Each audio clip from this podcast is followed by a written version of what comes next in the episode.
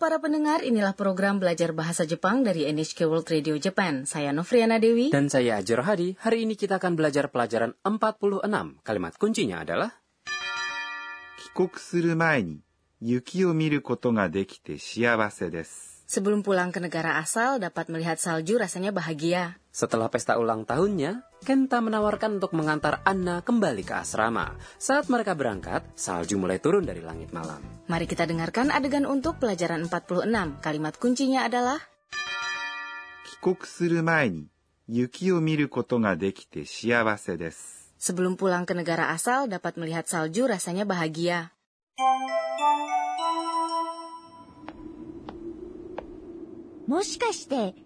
「これは粉雪粉のようにサラサラしているでしょ帰国する前に雪を見ることができて幸せです。 Sekarang mari saya jelaskan mengenai adegan tadi. Anna berasal dari Thailand, jadi ini pertama kalinya ia melihat salju.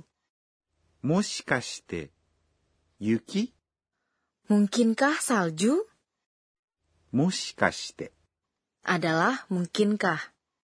雪 adalah salju. Ini adalah pertanyaan dengan intonasi menanjak pada akhir kalimat. Kenta menjawab, これは粉雪。 Ini adalah salju bubuk, これ adalah ini, は adalah partikel penanda topik, 粉雪。 adalah salju bubuk. 粉のようにサラサラしているでしょ Maksudnya, seperti bubuk, ringan, kering, dan halus kan? 粉、 Adalah bubuk, 粉のように、 adalah seperti bubuk. のように、 Berarti seperti atau mirip, サラサラ、 adalah ringan, kering, dan halus atau serpihan yang sangat kecil. Ini adalah sebuah onomatope atau kata tiruan bunyi. Kata している、 yang mengikutinya adalah bentuk kamus dari kata kerja, しています。 yang artinya keadaannya. Jika menggunakan mas dengan kata tiruan bunyi, kita mengatakan bahwa sesuatu persis seperti yang digambarkan oleh kata tiruan bunyi itu. でしょ adalah ya kan? Ini adalah penyingkatan dan bentuk informal dari でしょ Sebelumnya kita mempelajari bahwa desho adalah ungkapan dugaan. Apakah di sini digunakan untuk menduga juga? bukan. Jika kita mengucapkan desho dengan pendek dan dengan intonasi menanjak seperti でしょ artinya mengingatkan orang yang diajak berbicara mengenai sesuatu atau membuat penegasan atas sesuatu yang sudah diketahui orang yang diajak bicara. Selanjutnya Ana mengatakan, 帰国する前に雪を見ることができて幸せです。 Sebelum pulang ke negara asal dapat melihat salju rasanya bahagia 帰国する、 adalah pulang ke negara asal. 帰国 adalah tindakan pulang ke negara asal, する、 adalah bentuk kamus dari kata kerja, します。 yang artinya melakukan. kalau digabung, kikoku shimas menjadi kata kerja yang berarti pulang ke negara asal, ya. Betul, program belajar Anna di luar negeri selama satu tahun sudah hampir berakhir. 前に、 Adalah ungkapan yang berarti sebelum. Ini terdiri dari 前 yang artinya sebelum dan に yang di sini bertindak sebagai partikel penanda waktu.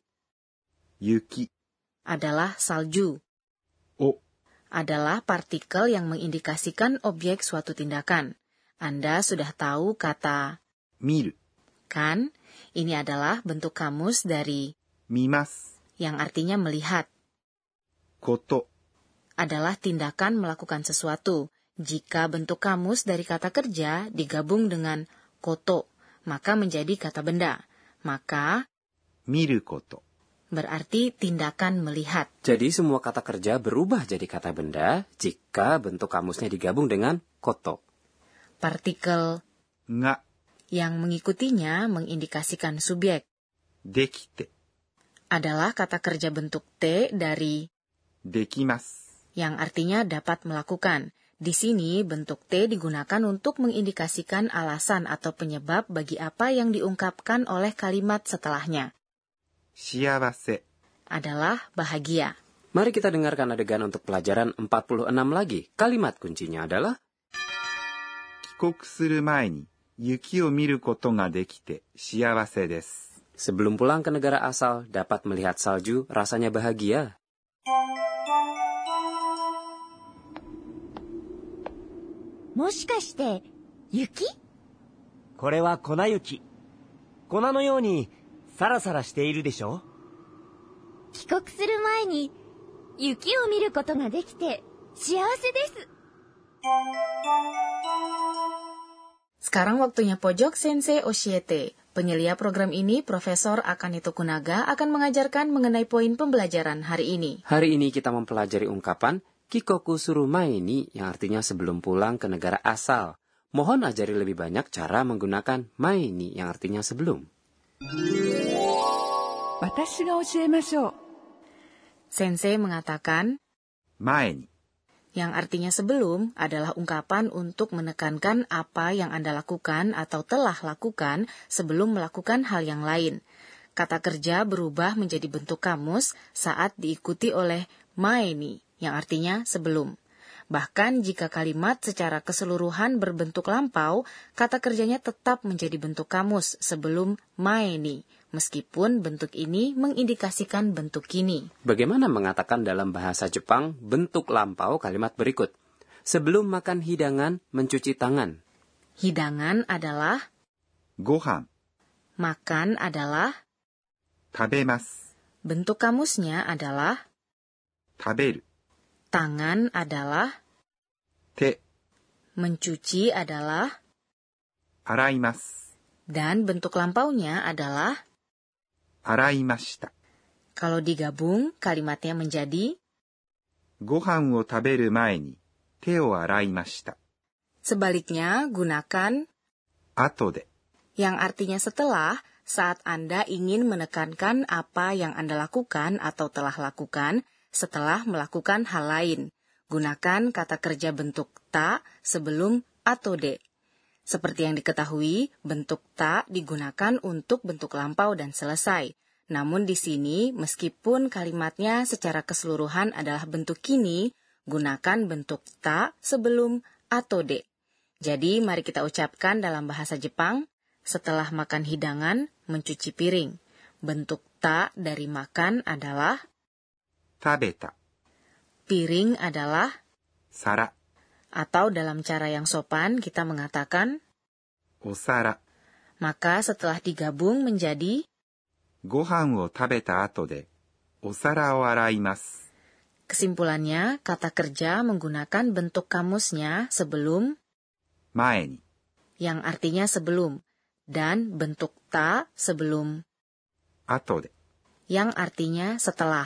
Mohon hafalkan ini sebagai satu kesatuan ya. Itulah tadi pojok Sensei Oshiete. Berikutnya adalah pojok kata tiruan bunyi. Hari ini kita akan memperkenalkan kata tiruan untuk salju. チラチラ。チラチラ、 Dipergunakan untuk menggambarkan sesuatu yang kecil dan ringan seperti keping salju yang melayang di udara. Salju turun dengan cira-cira, ya. Jika salju terus turun untuk waktu yang lama, kita katakan コンコン、 Kong kong. Ah, begitu ya. Ini sama dengan kata tiruan bunyi untuk batuk. Menarik sekali. sekian pojok kata tiruan bunyi hari ini. Sebelum menutup perjumpaan, inilah pojok catatan si Anna. えーっと今日は Salju ringan disebut konayuki. Salju yang mengandung banyak air disebut botang yuki. Botang adalah nama bunga. Orang-orang bilang keping salju besar kelihatan seperti kelopak bunga botang atau bunga peoni. Apakah Anda menikmati pelajaran 46? Kalimat kuncinya adalah 帰国する前に雪を見ることができて幸せです。 Sebelum pulang ke negara asal, dapat melihat salju, rasanya bahagia. Sampai jumpa.